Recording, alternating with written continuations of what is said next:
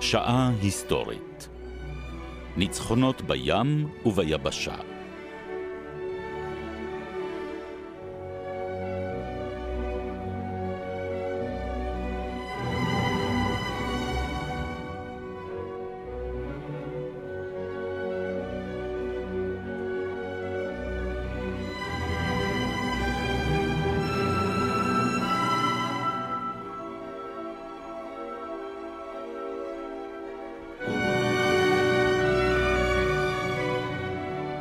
הפרופסור מיכאל הרסגור וליעד מודריק משוחחים על הלורד נלסון ועל הדוכס מוולינגטון.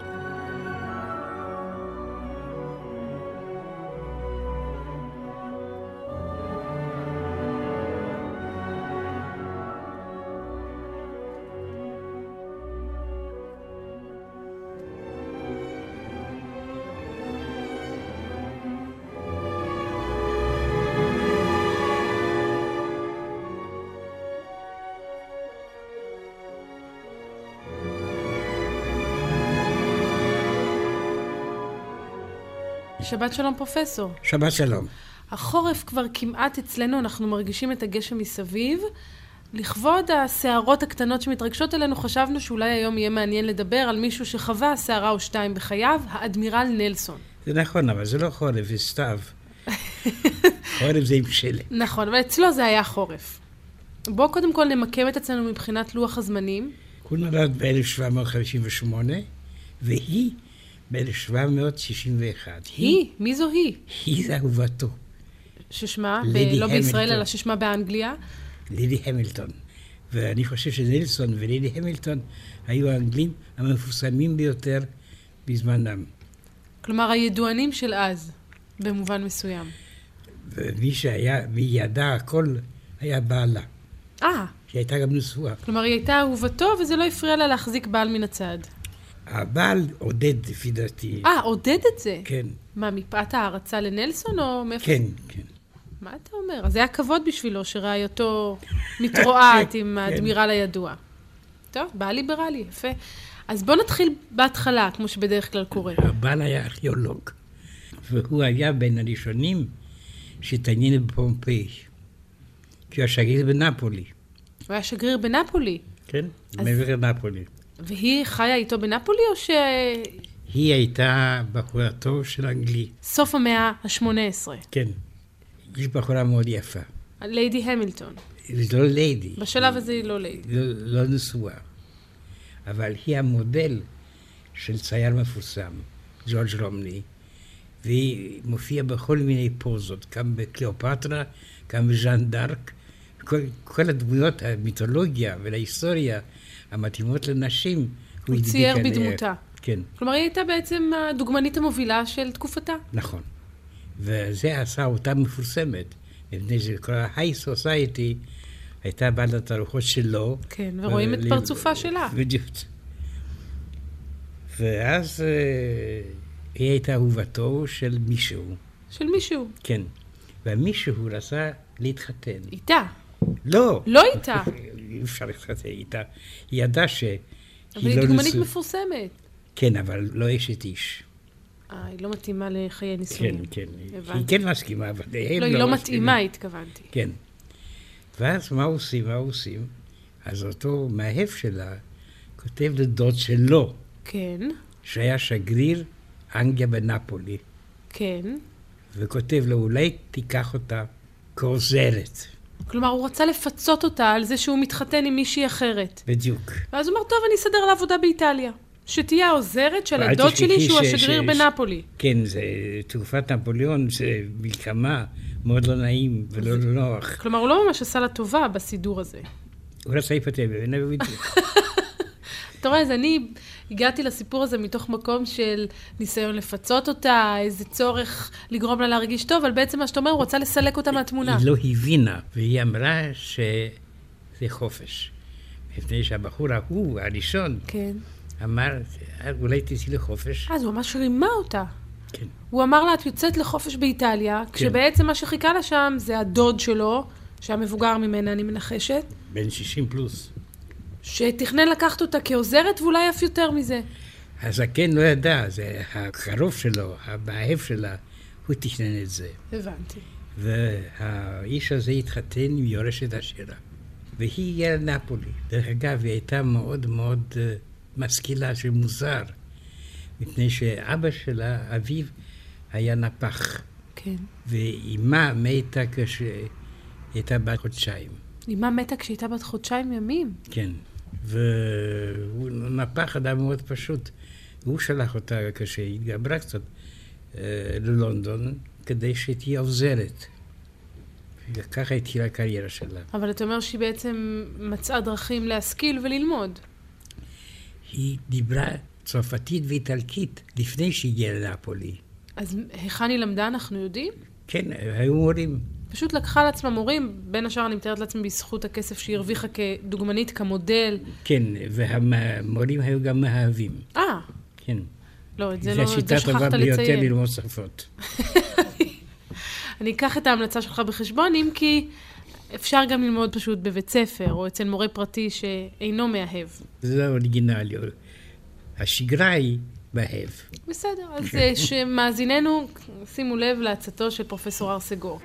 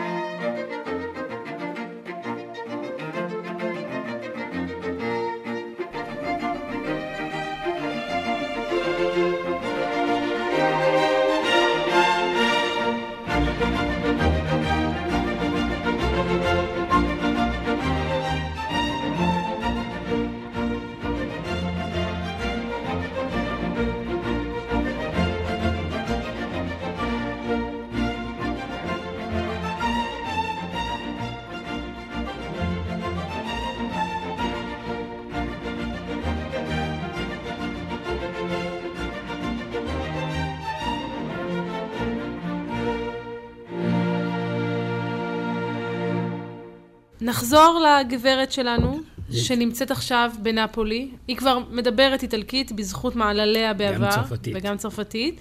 והיא פוגשת את הדוד של המאהב התככן, שהוא השגריר היא לא בנפולי. פוגשת, היא נשלחה אליו. כן, אז היא מגיעה לשם, כן, והוא מקבל אותה בזרועות פתוחות.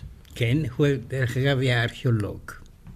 גם שגריר גם ארכיאולוג, והוא הראשון שניצל את פומפיי.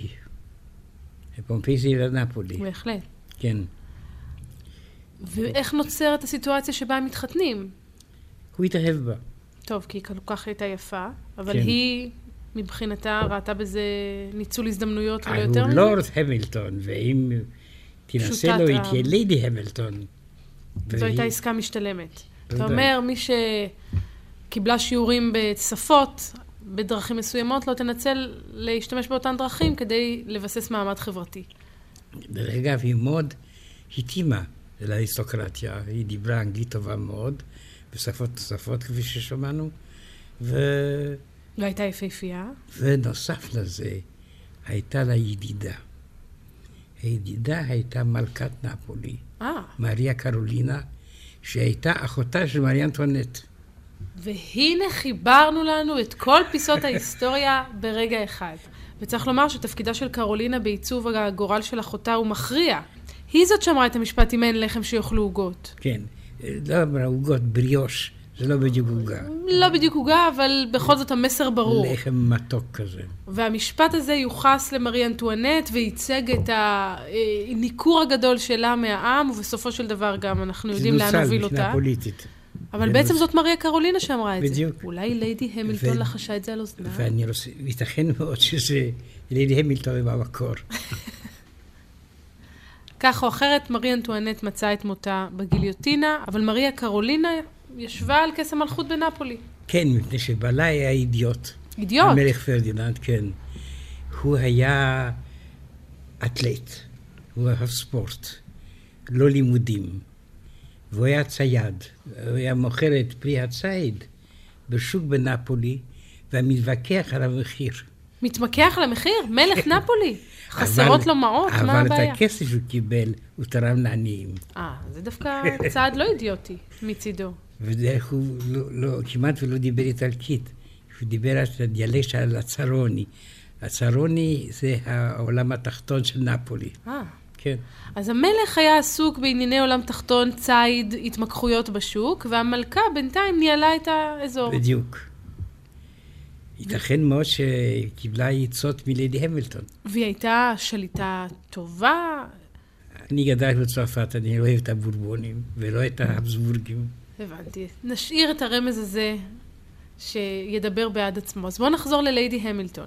היא, אתה אומר, מיודדת עם אריה קרולינה. היא נשואה ללורד המילטון, כן, השגריר בנפולי. כן. אבל היא מתאהבת בנלסון. הצי האנגלי היה בים התיכון. כן.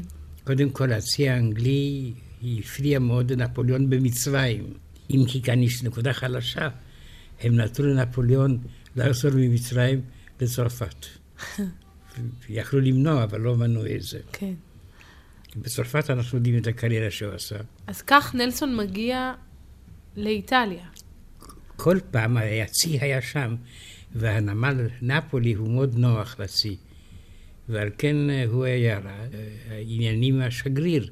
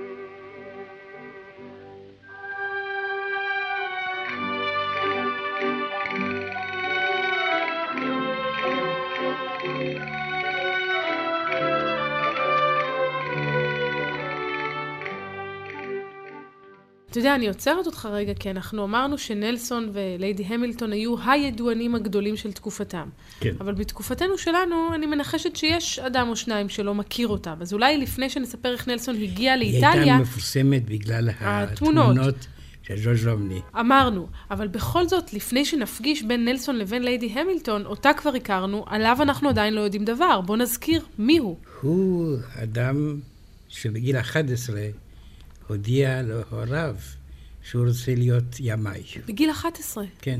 וההורים שלו היו ממעמד אצולה. לא, לא, לא. אביו היה פשוט מאוד כומר כפרי. כן. והוא התעקש מאוד. ויש כל מיני סיפורים של כמה הוא התעקש, ובמערך בחורף לקבל איזה דב- דבר, ואמר שהכבוד שלי, הוא דיבר בגיל 11 על הכבוד שלו, וההורים נכנעים ושולחים אותו בסופו של דבר? מפני שלאימו היה אח, כן. ואח היה קצין ימי, אז היה דרך מי להכניס אותו בדיוק. לצי הימי. אז הוא הולך ללמוד באקדמיה לימאות, או איך זה קודם עבד? כל הוא הלך ל- לים, ממש, ממש לא לים. כנער. כנער סיפון. אז, כן, בדיוק. והוא הוכיח את עצמו, והפך מאוד פופולרי, והוא עלה בדרגה, והוא קיבל להיות הרב חובל של האונייה, כן. אבל האונייה הזאת הייתה פעם בים התיכון, פעם הייתה שומרת על לונדון בתמזה. וזה לא כל כך מלהיב, כי סוף סוף הוא ידע את לונדון ואת אנגליה, אבל הוא התלהב מאוד מן הים התיכון. לא רק מן הים התיכון, גם ממי ששכנה על חופיו. בדיוק. את לא מתכוונת לארץ ישראל. לא, אני גם לא מתכוונת למגדל פיזה, אני מתכוונת לליידי המילטון. אבל דרך אגב, הוא הפריע מאוד לנפוליאון בעכו. מי, נלסון? תראה, כן. באיזה, באיזו הוא סיטואציה? הטביע, נפוליאון רצה מאלכסנדריה לעכו, להגיע בדרך הים. נכון. אז נלסון הפריע לו. אז נלסון היה שם, פיקד על הצי הבריטי, כן. הוא מנע מנפוליאון, הוא לא מנע, כי בסופו של דבר... זה היה- עכו היה כישלון. כן, נפוליאון שלח את התותחים שלו מאלכסנדריה לעכו, אבל הם הדיבו את האונייה עם התותחים. אז נלסון מצליח להטביע את התותחים של נפוליאון, ובכך למעשה מנחיל לו תבוסה בעכו. זה באמת היה הדבר המרכזי שבזכותו הוא נודע, היכולות הצבאיות שלו. ד- דרך אגב, אני רוצה להגיד לך שהצרפתים משום מה מאוד גאים על עכו, וקוראים סן ז'אן דקר זה נקרא. אבל במה יש להם להתגאות? הרי הם הפסידו שם. היו גיבורים. לחמו בגבורה. כן, דרך אגב, אחרי עכו הוא התכוון לחדור לארץ ישראל יותר עמוק. זה לא הסתייע בידו. רגע, אבל יש רחוב בפריס, הכיכר קונקורד, שנקרא רחוב הר טבור. וזה על שם הניסיונות של נפוליאון להגיע. כן. יפה, אז החכמנו לגבי פריז. אני רוצה בכל זאת אבל להחזיר אותך לאדמירל נלסון. הוא באמת היה מצביא גדול? כן. איך, איך היית מגדיר את גדולתו? גדולתו היה מאוד מקורי. הוא החליט שהצי הבריטי, שהיה יותר קטן מן הצי הצרפתי, יפליג בשתי שורות, לא Mm. שורה אחת, כפי שהיה מקובל אז. כן. מתוך התפיסה ש... וזאת התפיסה שהאדמירל הצרפתי, מסו דה וילנב, הוא אידיוט. והוא הצליח. אבל איך שתי השורות סייעו לו בזה? הוא, מה, הוא לחד את האדמירל הצרפתי בין שתי השורות האלה? כן, היה גם אדמירל ספרדי, מפני שספרד הייתה בעלת ברית. של עם צרפת. צרפת, כן. אז הוא בעצם יצר מין מצור דו-כיווני על האוניות הצרפתיות והצליח לי לפגוע בהן. ניצחון גדול אה, אנגלי, הניצחון האנגלי, ואני זוכר שהיה לי ידיד, אה, כשהייתי נער, שהיה בלונדון, ואמר לי, יש שם ווטרלו סטיישן וטרפלגר, למה הם נותנים שמות רק שתי מפלות? אבל בטרפלגר האנגלים ניצחו. כן, אז אה, מפלה צרפתית. אה, על שם הפלות צרפתיות. כן. לרגע לא הבנתי, חשבתי שאולי ההיסטוריה הפכה את כיוונה, ואני גם רק ווטרלו, פספסתי אותה. אתה ש- קרב ווטרלו. לא, כבודו גם- במקומו גם מונח. תחנת רכבת עפה ווטרלו. כן. טוב, אז, אפשר להבין למה הבריטים עושים את זה. כן. זאת לא תהיה הפעם הראשונה שמדינה מנציחה את ניצחונה ואת מפלתה של האחרת. והזכרת את קרב טרפלגר, משום ששם למעשה נלסון השתמש בשיטת ש- שתי השורות והצליח עוד איך. להטביע את הצי אבל הצרפתי גם מת, בקרב טרפלגר. כן. איך זה קרה? צלף צרפתי פגע בו, וכשהוא גסס, הוא אמר לסגנו, תחבק אותי, ואחרי זה גסס שלוש שעות, בתא למטה, הייתי שם בתא. היית בתא שבו הוא גסס? כן, כן, כי הם לא בזמן אמת, בזמן הקרב עצמו, אני מקווה. יותר מאוחר. לפני שהם שומרים על האונייה הזאת בפלימוס. ושם האונייה זה ויקטורי. על כן הם מאוד... אה, וניצחון באמת הושג, אבל מבחינת נלסון עצמו, כן. הייתה שם מפלה רצינית, זה הוביל למותו. והוא הפך פופולרי בצורה יוצאת מן הכלל הגיבור הלאומי של אנגליה. שמת בקרב, הצליח להוביל את חייליו לניצחון על הצי הצרפתי. חייליו, המלאכה. ספניו, מלאכיו, אוקיי. ולא חשש לאבד את חייו בתהליך הזה. בדיוק. הוא לא התכוון לזה. הוא לא התכוון למות. לא, הוא לא התכוון למות, אבל... זה- צלף צרפתי פגע בו. What shall we do with the drunken sailor? What shall we do with the drunken sailor? What shall we do with the drunken sailor? Early in the morning. Way, way, way, way, early in the morning. What shall we do with a drunken sailor? What shall we do with a drunken sailor? What shall we do with a drunken sailor? A lie in the morning. Put him in the scuppers with a hosepipe on him. Put him in the scuppers with a hosepipe on him. Put him in the scuppers with a hosepipe on him. A lie in the morning. אז סופו של נלסון בקרב הזה, מעבר לעובדה שהוא הפך למיתוס ולגיבור, אבל סופו האישי היה רב אמר, מה עלה בגורל, ה- נגיד, מצביא דרך אגב, הצרפתי? היום יש פועל באנגליה, נלסון סוסייטי, שכל שנה ב-21 באוקטובר, יום הקרב, מארגנים איזה אספה. כלומר, עד היום מנציחים אותו. כן, ולאחרונה קראתי שהראש העיר של קלה, משרד הצרפתי, כן. נאם נאום מאוד נרגש מפני שאותו ראשית של קאלה ומצאצאי נלסון וליידי המילטון. מצאצאי נלסון וליידי המילטון. כן. והוא צרפתי היום. כן. אז הנה, חצינו את הקווים. אבל אם אני חוזרת שוב לקרב עצמו, מה עלה בגורלם של הצרפתים והספרדים שנלחמו? הטביעו את כל אוניותיהם? הטביעו חלק של האוניות, ואחרי זה האדמירל הצרפתי התאבד, להתאבד בגלל המפלה. כן, בפחד לדבר עם נפוליאון. כלומר, הוא התאבד כצעד מונע לפני שנפוליאון יעשה לו דברים חמורים מזה. נפוליאון, דרך אגב, המתין ב- בחוף הצרפתי הצפוני כדי לעבור לאנגליה. אבל הוא לא יכול לעבור לאנגליה בלי צי, והצי נעלם. אגב, אנחנו מדברים כאן על קרב טרפלגר ועל המלחמה בין אנגליה לבין צרפת וספרד שהייתה בת בריתה. מה בעצם ה- המקור של הלחימה הזו? זה הניסיון הצרפתי לכבוש את אירופה שגרם לאנגלים לעמוד על הרגליים האחוריות? אה, הרעיון של נפוליאון, שהיה גם הרעיון של היטלר, דרך אגב. זה לא נקודת הדמיון היחידה בין שניהם כפי שאנחנו כן. אני רוצה יודעים. להגיד לך שמה שהחזיק אותי בגלל השואה היה הביטחון הגמור שהם לא יפלשו לאנגליה. בגלל התקדים של נפוליאון. כן. הייתי אומר תמיד מילה אחת, כן, נפוליאון. להרגיע את ה... את אז החיים מה האלה. נפוליאון רצה לעשות לבריטים? לנצח אותם.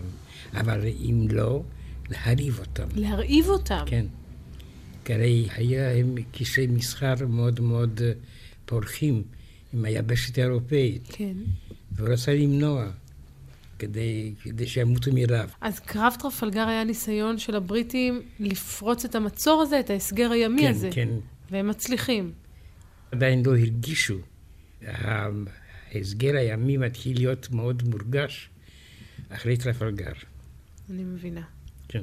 אז קרב טרפלגר לא הוביל בסופו של דבר להפסקת ההסגר הימי, זה רק הייתה מפלה ממש- לא. רגעית. ואטר לא הגיע והביא לסופו. אה, ווטרלו זה כבר וולינגטון, אנחנו נהיה כן, בספירה כן. אחרת, אבל עכשיו אנחנו עוסקים בנלסון.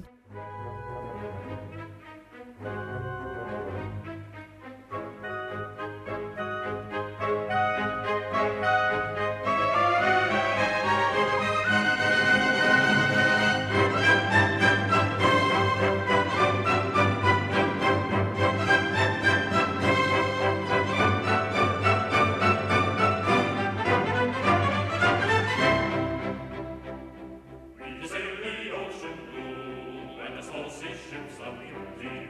With a sober man and true, and attentive to our duty.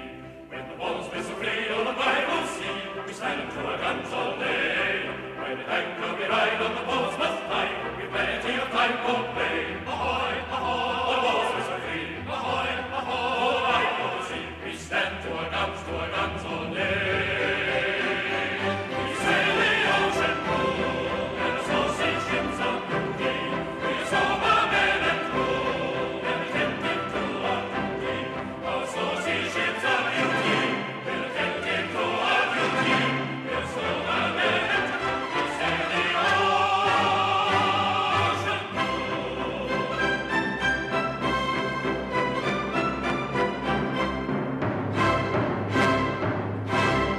התחלת בסיפור האהבה בין נלסון לבין ליידי המילטון, אבל בינתיים רק שמענו על כל אחד מהם בנפרד, איך הם נפגשו? נלסון היה זקוק לעזרה חומרית, והוא ביקש מן השגריר הבריטי בנפולי, הוא לורד המילטון, שאותו אנחנו כבר פגשנו. כן, הנה, לעזור לו. ודרך אגב, והלורד המילטון עזר לו יותר מש... מכפי שנלסון שיער. כן, הם נפגשו חמש שנים לפני שהם הפכו למאהבים, מפני שהוא היה כל הזמן בים. אבל כשאחרי חמש שנים הוא חזר עוד פעם, כשכמה ניצחונות היו לו לחשבונו, הוא הטביע, זה נקרא קרב הנילוס, הוא הטביע את הצי הצרפתי שוב. במצרים. זה כן. באופן כללי התחביב שלו להטביע את הצי הצרפתי. הצרפתים נשארו גם בלי צי, דרך אגב, במוזיאון הימית של פריס יש האונייה היחידה שנשארה. ויש לי צילום שלה, כי עם הנכד שלי הלכתי לשם למוזיאון הצי ואמרתי, זה האונייה, זאת אני האונייה. חייבת לומר שבתור אוהב צרפת ידוע, אתה מתייחס די בשוויון נפש למפלה הצרפתית. אני ענייני, ענייני. כן. נטול פניות לגבי לא, אני המאבק רואה את ההיסטורי. המפלה הצרפתית בשורה של המפלה הגרמנית, של היטלר. יפה. על כן זה עודד אותי.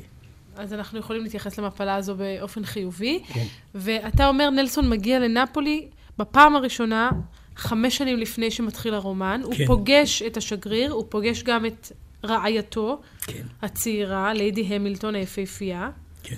אבל בינתיים לא קורה שום דבר. קורה כשהוא חזר כעבור חמש שנים. עטור ניצחון. עשו ניצחון, היא באה אליו והתעלפה. התעלפה, כן. מרוב התרגשות. כן, גם הוא, דרך אגב, היה מבוגר ממנה. כן. לא, לא בהרבה שנים. לא כמו השגריר מנפולי, אבל עדיין, יש שם פער גילאי מסוים. אז הם מתאהבים ומנהלים מערכת יחסים שלמה בעידודו של השגריר מנפולי. לא הייתי אומר עידודו, אבל- בהסכמתו השקטה. בהסכמתו השקטה, כן. מפני שהוא היה עסוק בארכיאולוגיה.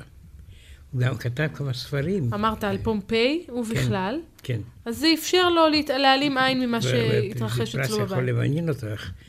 הוא מכר את כל אוסף העתיקות שלו לביטיש מוזיאום, שאפשר לראות את זה היום. הייתי שם וכתוב שם במדריך שזה היה של לורד המילטון. אבל אתה אמרת קודם שאותו ראש עיר צרפתי הוא כנראה נצר לנלסון וליידי המילטון, כלומר נולדו להם ילדים. כן, ילדה אחת. ילדה אחת. כן, ואיך ילדה. יודעים שהיא של נלסון ולא של השגריר מנפולי? השגריר היה בן 60 פלוס. בסדר, אה, כן. צ'רלי צ'פלין היה בן 70 פלוס כשנולד לו ילד. כן, אבל זה סני צ'פלין היה גם שחקן. אתה אומר, היה כן. לו ליבידו מאוד פעיל. בדיוק. אוקיי. מעניין שלילדה קראו הורשיה. הוא היה הורשיו. והיא נלסון. הורשיה, כן. נלסון היה, אז אז, אה, מבחינת האימא לפחות ומתן השם, לא היה ספק למי הילדה שייכת. אבל היא לא רצה להודות שהיא בתו של נלסון. איך איך קיבל את זה השגריר מנפולי? כלומר, זה דבר אחד להעלים עין מרומן שמנהלת אשתך עם גיבור מהולל ואמרנו עטור ניצחון, אבל זה דבר אחר לגדל בביתך ילדה שהיא לא שלך וגם נקראת על שם המאהב. תראי, הוא היה ארכיאולוג. אמרת, בסדר, הוא היה ארכיאולוג, לארכיאולוגים אין העתיקות- רגשות, אה. מה? העתיקות עניינו אותו. אז כלומר, הוא בכלל לא התעניין בכל הסיפור הזה. והילדה לא רצתה להודות בזה שהיא בתו של נלסון. הילדה מתה בגיל 60. בסדר. וקראו לה הורשיה, זה הכל ברור שזה ביתו של הורשיה. ולמרות זאת, היא התכחשה לזה באופן מוחלט. כן, פשוט לא נעים לה, לא היה... גם אנגליה, אנגליה הפכה יותר פוריטנית כזה במאה ה-19, כי אנחנו מתקרבים לתקופה הוויקטוריאנית. על כן היא לא רצתה.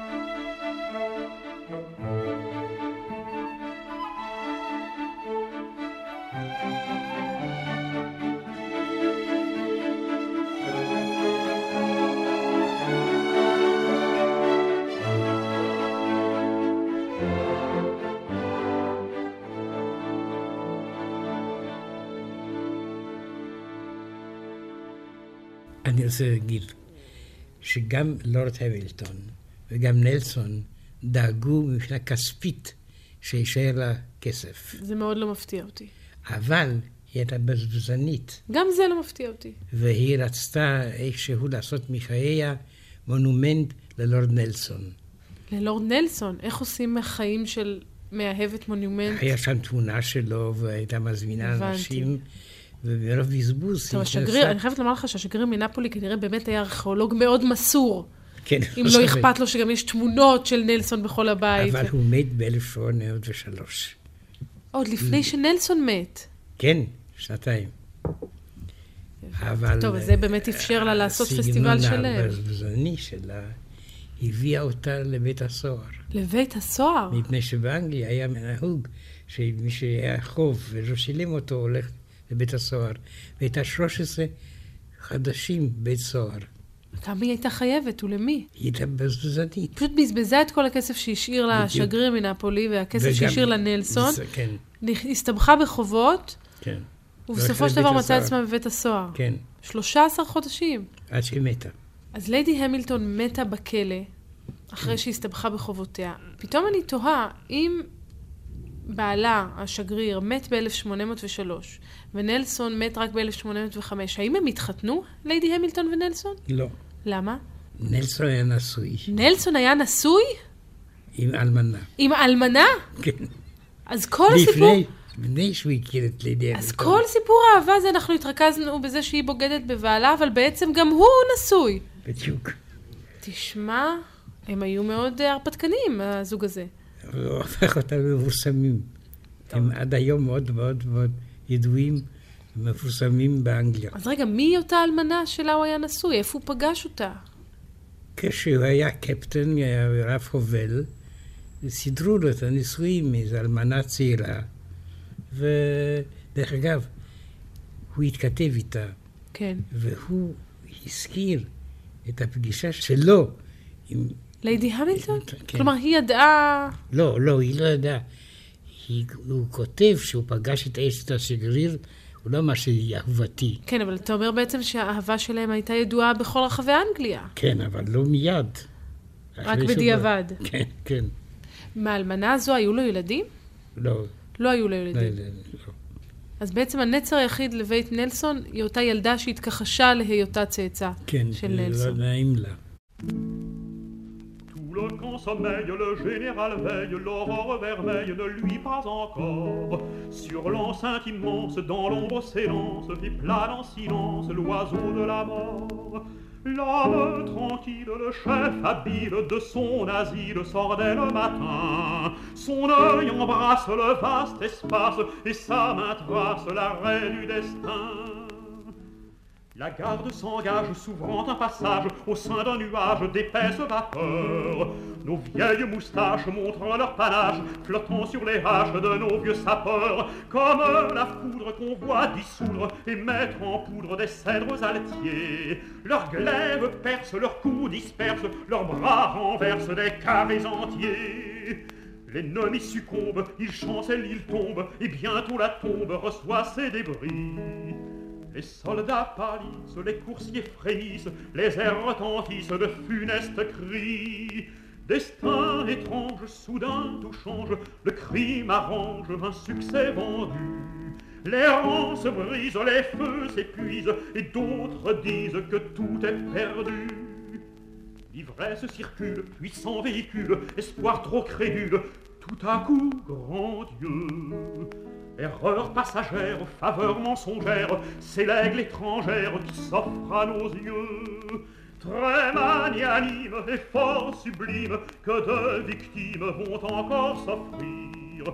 L'heure est funeste, tout nous l'atteste, il ne nous reste qu'à vaincre ou mourir. טוב, אז אם אנחנו אה, מדברים על נלסון ועל המפלה הגדולה שהוא הנחיל לצרפתים בקרב טרפלגר, אי אפשר שלא להזכיר... גם לספרדים. גם לספרדים, לא, לא נשכח אותם. אי אפשר שלא להזכיר את קרב ווטרלו, שבו בעצם נפוליאון הגיע למפלתו הסופית. זה כבר לא נלסון. הוא היה הוגלה לאי אלבה. הבריטים אפשרו לו לברוח מהאי אלבה, והצרפתים קיבלו אותו באהדה עצומה.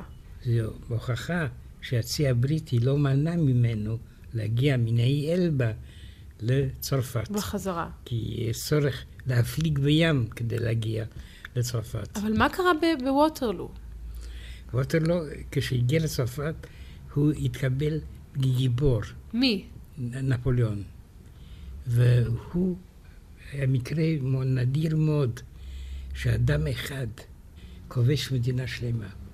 כשלואי ה-18, המלך הבורבוני, שלח צבא נגדו, ואפילו מישל נה, הוא המרשל שעבר לבורבונים, כן. הודיע למלך, אני אביא אותו בחזרה בכלוב של ברזל. אבל כאשר הוא פגש את נפוליאון, אז הוא כתב, הוא נאם לחיילים שלו ואמר, עניין הבורבונים אבוד לתמיד.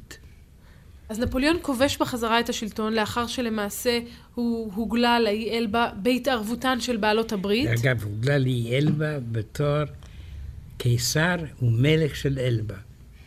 הוא לא היה גולה שם, הוא כן. היה שליט של אלבה. אבל הוא מצליח לכבוש בחזרה את צרפת, כפי שתיארת, בצעד, מהלך יוצא דופן שלא נראה כמותו. באמת, זה נכון. אבל אחרי שהוא תופס בחזרה את השלטון, תגיע מפלתו בקרב ווטרלו. בקרב ווטרלו, הצבא של נפוליאון פגש צבא מאוחד של אנגלים וגרמנים. צריך בלי לומר, צריך לומר, הקרב הזה הוא לא קרב ימי, כמו לא, ק- סוף סוף. קרב טרפלגר סוף שראינו סוף. את נלסון. עכשיו קרב יבשה, יבשתי, כן. אבל הם היו יותר חזקים ממנו. הבריטים והגרמנים. כן. והוא נוצח, ו- והממשלה הצרפתית הודיעה לעם שלה, הבריאות של הוד מלכותו היא מצוינת. זה היום דוגמה של ציניות. כן.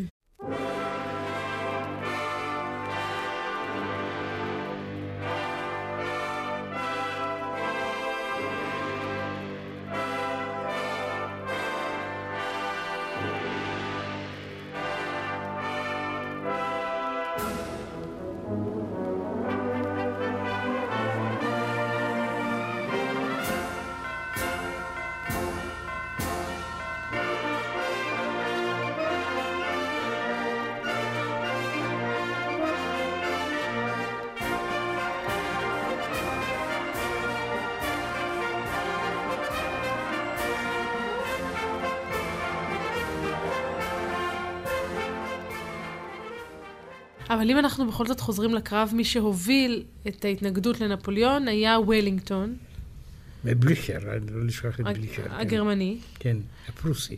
מאה אחוז. כן. והייתה ביניהם, כלומר, הייתה כאן איזושהי טקטיקה יוצאת דופן, כי בכל זאת, אתה יודע, נפוליאון נחשב לאחד מגדולי המצביעים. איך הם מצליחים לנצח אותו? רק בזכות העליונות המספרית? כן, רק זה. כן. נפוליאון כבר לא היה גנרל 27, בן 27, שניצח את הקואליציה של מדינות אירופה כשהיה גנרל של הרפובליקה הצרפתית. כלומר, בשלב הזה הוא כבר לא כל כך צעיר, הצבא שלו לא מספיק מאורגן, כמות החיילים קטנה יחסית, ולכן הוא בעצם מפסיד. כן. והמפלה הזאת בעיקר מובילה שאל אותו, תשכחי שאירופה החרימה אותו. את נפוליאון. כן, כשהוא חזר מאלבה, אז בווינה הכריזו, הוא אויב של אירופה. כן. בשלב הזה, כשהוא חוזר מהאי אלבה, צרפת עדיין חולשת על כל השטחים העצומים שהוא לא. כבש? ממש לא. לא, כלומר, צרפת חזרה לממדיה הטבעיים. בדיוק. וקרב ווטרלו הוא ניסיון של נפוליאון לכבוש מחדש את אירופה, קודם כל לפזר את הצבא שאיים עליו. שעדיין שהה שם במקום. כן, ווטרלו, צריך לומר, זה בבלגיה. אבל ליד הגבול הצרפתי. כן. כן. ולכן נפוליאון כל כך רצה למגר את הכוח שישב שם. בדיוק. היה חרם אירופאי כללי נגד נפוליאון, שהוכרז אויב המין האנושי. אויב המין האנושי. זה ב- בנאומים בווינה. בווינה היה מרכז ההתנגדות לנפוליאון. לנפוליאון, כי כל נציגי של כל אירופה היו אז בווינה, בקונגרס וינה, תחת הנהגתו של מטרניש. קלמנס פון מטרניש, ראש ממשלת אוסטרו-הונגריה. ובקרב ווטרלו, מה בעצם היה שם מבחינת המהלכים עצמם? בעצם יום קודם נפוליאון ניצח בקרב. כן, בגרף קטן, הוא הביא לנסיגתם של האויבים. למחרת הם המתינו לו, התעודד מניצחון הקטן. שהיה לו יום שהשיג קודם. אחד, כן, ואז אה, הוא נוצח. איך, מה היה שם? האנגלים לא היו כל כך חזקים על יבשה. הם היו חזקים בים. הצבא העיקרי היה פרוסי, ופרוסיה הולכת עכשיו ל- לקראת הגורל שלה כמדינה צבאית, שבכל מדינה יש צבא, ובפרוסיה לצבא יש מדינה. Hmm. כן, ופרוסיה, והצבא הפרוסי הוא זה שמצליח לנצח את נפוליאון. כן. אם כי האנגלים לא כל כך מעוניינים להגיד את זה. אגב, נפוליאון היה שם ב- ב- כן, בקרב עצמו. בדיוק. שזה מעניין, כי אם אנחנו למשל בודקים את ההתנהלות של אה, מטרניך או של שליט... אה, כן, אבל איטל- נתניהו לא היה חייל, הוא היה... כן, אבל גם נפוליאון, נפוליאון עכשיו הוא כבר מנהיג מדינה. כן, אבל אל תשכחי שהוא הגיע למנהיג מדינה. בזכות בזכות- הצלחותיו הצבאיות. בדיוק. אז הוא גם בתור מנהיג מדינה, גם כשהוא מגיע לראש הפירמידה, מתעקש להוביל את הלחימה בעצמו. סוף סוף הוא היה גם איש צבא. ואחרי המפלה הגדולה, הוא מוגלה בפעם השנייה, הפעם לסנט הלנה, הוא ניסה להגיע לארצות הברית. לארצות הברית, כן, כמו אח שלו, לואי. לואי. אבל הצי הבריטי מנע מן העונות האמריקאיות להגיע לחוף צרפת. אז הוא הלך לחוף המזרחי של צרפת, והמתין, והאונייה הבריטית הייתה זאת שהמתינה לו. זה מעניין שביקשנו לספר את סיפור חייו של נלסון, כן. ואחר כך גם את וולינגטון, אבל בעצם סיפרנו גם את סיפור חייו של נפוליאון, כי השניים האלה הם מי שהצליחו להכניע את נפוליאון בשני קרבות מאוד משמעותיים. זה נכון. Français, Français, n'est-ce pas parmi vous que Louis reçut la naissance Le même ciel nous a vus naître tous.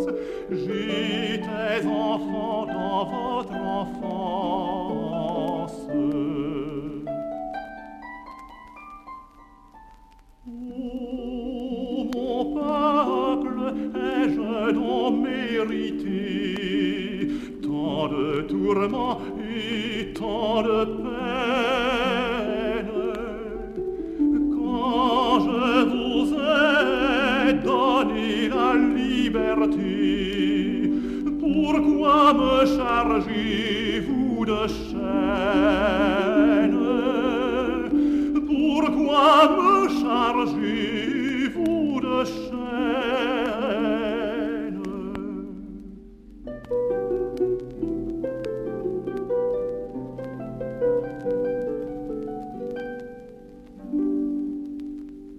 ובאיזה מקום נמצאת צרפת ערב הגלייתו של נפוליאון? מבחינה מדינית, מבחינה צבאית, פוליטית. יש מלוכה קונסטיטוציונית, זה מאוד חשוב, והמלך הוא אחיו של לואי ה-16. מעניין מאוד שלואי ה-16 היה לואי, הבן שלו שמת ילד בבית סוהר, היה גם כן לואי 17. כן. עכשיו האח שהוא לואי 18, שהיה בורבונים, שהיה מלך קונסטיטוציוני. שבעצם דיברנו עליו גם בתוכנית שעברה. כן, ואיכשהו צרפת ניהלה את עצמה פחות או יותר עד שהוא מת ב-1824. באנגליה, באותה תקופה, באנגליה יש אה, ג'ורג' הרביעי. מלוכה, אנגליה תמיד הייתה, אנגליה גם היום היא מלכות מפני שהיא מנעה, בהיותה קונסטיטוציונית, מנעה מהפכות. אבל כן, אם, היית, מהפך. אבל אם היית מנסה ל, להעריך איך המפלות האלה של נפוליאון בטרפלגר, בווטרלו, ובסופו של דבר סופו בסנט הלנה, איך הם השפיעו על עתידה של אירופה? או על מערכת היחסים, משחקי הכוחות באירופה. קודם כל, נפוליאון המת ניצח. Hmm. מפני שהוא הביא לכס המלוכה נפוליאון השלישי, כן. שבא הודות לשמו הגדול. דרך אגב, כאשר אה, לפני נפוליאון השלישי הביאו את הגבייה של נפוליאון, מפני שעם הגבייה הייתה בעיה. מה הבעיה? הבעיה הייתה שהצרפתים רצו שעל הקבר יהיה כתוב נפוליאון, אבל האנגלים הסכימו רק שיהיה כתוב בולפרט. למה? נפוליאון זה שם של קיסר, ובונפרט זה שם המשפחה שלו. ועד הסוף האבן נשארה בלי שם, בלי שם? כן. אז המצבה של נפוליאון, רגע, זה בסנט הלנה. כן. ואז המלך לואי פיליפ, שרצה להיות פופולרי, הוא ידע שגם ה- שהשם של נפוליאון פופולרי בצרפת, כן. שלח את בנו עם כמה אוניות, להוציא את הגבייה, כן, להחזיר אותה לצרפת, כן. ולקבור אותה כיאה לקיסר צרפת נפוליאון. כן, דרך אגב, כאשר הוציאו את נפוליאון מן הקבר, ראו שהגוף לא נפגע. רק לא, לא היה מגולח. כן. מפני שאחרי מותו, השערות התחילו לצמוח. כן, זו תופעה ידועה. כן. היום בצרפת, כשמעריכים את נפוליאון, הרי דיברנו על זה שעד היום נלסון באנגליה הוא גיבור גדול. נפוליאון לא. נפוליאון לא. מפני שהיא היא את האמת, בגלל נפוליאון השלישי. בגלל נפוליאון השלישי. כן, הוא קלקל לחלוטין את השם נפוליאון. אז אתה אומר, עלייתו של נפוליאון השלישי לשלטון הייתה ניצחונו של נפוליאון המת, אה, אבל שלטונו הראשון. של נפוליאון השלישי הייתה מפלתו של בדיוק. נפוליאון הראשון. נכון מאוד, זה חשוב מאוד להגיד את זה. ובזאת נסתתמה שושלת נפוליאון. לא, הייתה גם נפוליאון הרביעי, נפוליאון הרביעי? שלא מלך, מי הוא נפוליאון הרביעי? הוא הבן של נפוליאון השלישי. זה בדרך כלל הגיוני, אבל מה הוא עשה עם חייו? הוא חייו. גם שלט? והקיסרית, לא, הקיסרית אג'ני, שהייתה גולה באנגליה, נדנדה את ויקטוריה, מלכת אנגליה, כדי שוויקטוריה תסכים שהבן של הצרפתייה יילחם בשורות הצבא הבריטי נגד אה, השחורים בדרום אפריקה. רגע, נפוליאון הרביעי הוא בנה של הקיסרית אוז'ני ושל הפונה השלישי, ושל נפוליאון השלישי. כן. אז היא מצליחה לשכנע את הבריטים לאפשר לנפוליאון הרביעי, הוא אף פעם לא נפוליאון הרביעי. כן, למי שעשוי אבל- היה להיות אבל נפוליאון שמו- הרביעי, שמו היה נפוליאון, הבן של נפוליאון השלישי, להילחם באפריקה. כן. והוא קוצר הצלחות כמו נפוליאון הראשון באפריקה? לא, מפני שהוא מת בקרב, ויש שמועה מאוד לא נעימה שאנתרופופגים אכלו אותו, אנתרופופרגים זה מה שאנחנו היינו קוראים קניבלים? בדיוק. טוב, הרבה זמן לא סיימנו תוכנית באווירה כל כך מורבידית, אבל זה מה שקרה, זו ההיסטוריה. וכך, עכשיו אפשר לומר שבא הקץ לשושלת נפוליאון. או לא. שהיה גם חמישי. לא בדיוק, כי אני ניהלתי משא ומתן עם נפוליאון. אתה ניהלת עם נפוליאון. כן. איזה מהם? אני חושב 26, משהו כזה, נפ- מפני שהייתה תוכנית שהספרייה של משפחת נפוליאון תעבור לאוניברסיטת תל אביב. ואז אני מטעם האוניברסיטה ניהלתי משא ומתן עם נפוליאון, עם ה... דרך אגב, הוא היה אפילו דומה לנפוליאון. והתרשמת שהוא היה חריף וחד שכל כמו ראש השושלת? הוא היה מנומס, אבל אוניברסיטת תל אביב לא הסכימה לתנאים שלו. ובזאת, כן, ההצעה נפלה, ובזאת הסתיימו יחסיך עם משפחת נפוליאון. לטאטא.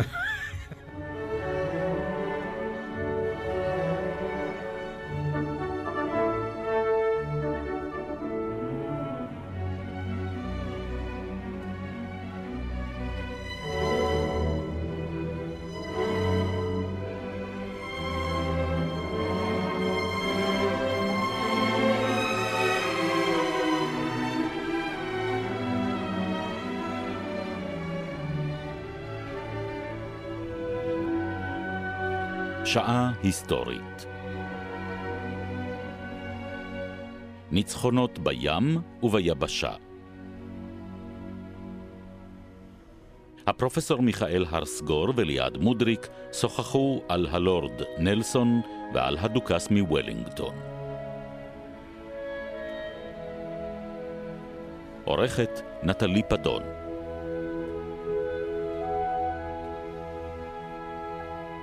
ייעוץ מוסיקלי, עמליה רוזן.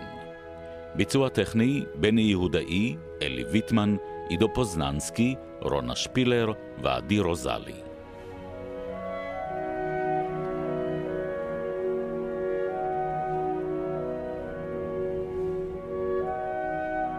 בתוכנית הושמעו קטעים מוסיקליים בביצוע גילברט וסליבן, רלף מקטל ואנריקו קרוזו. כמו כן הושמעו קטעים מוסיקליים מתוך פסקול הסרט אמה ושירי עם בריטיים וצרפתיים.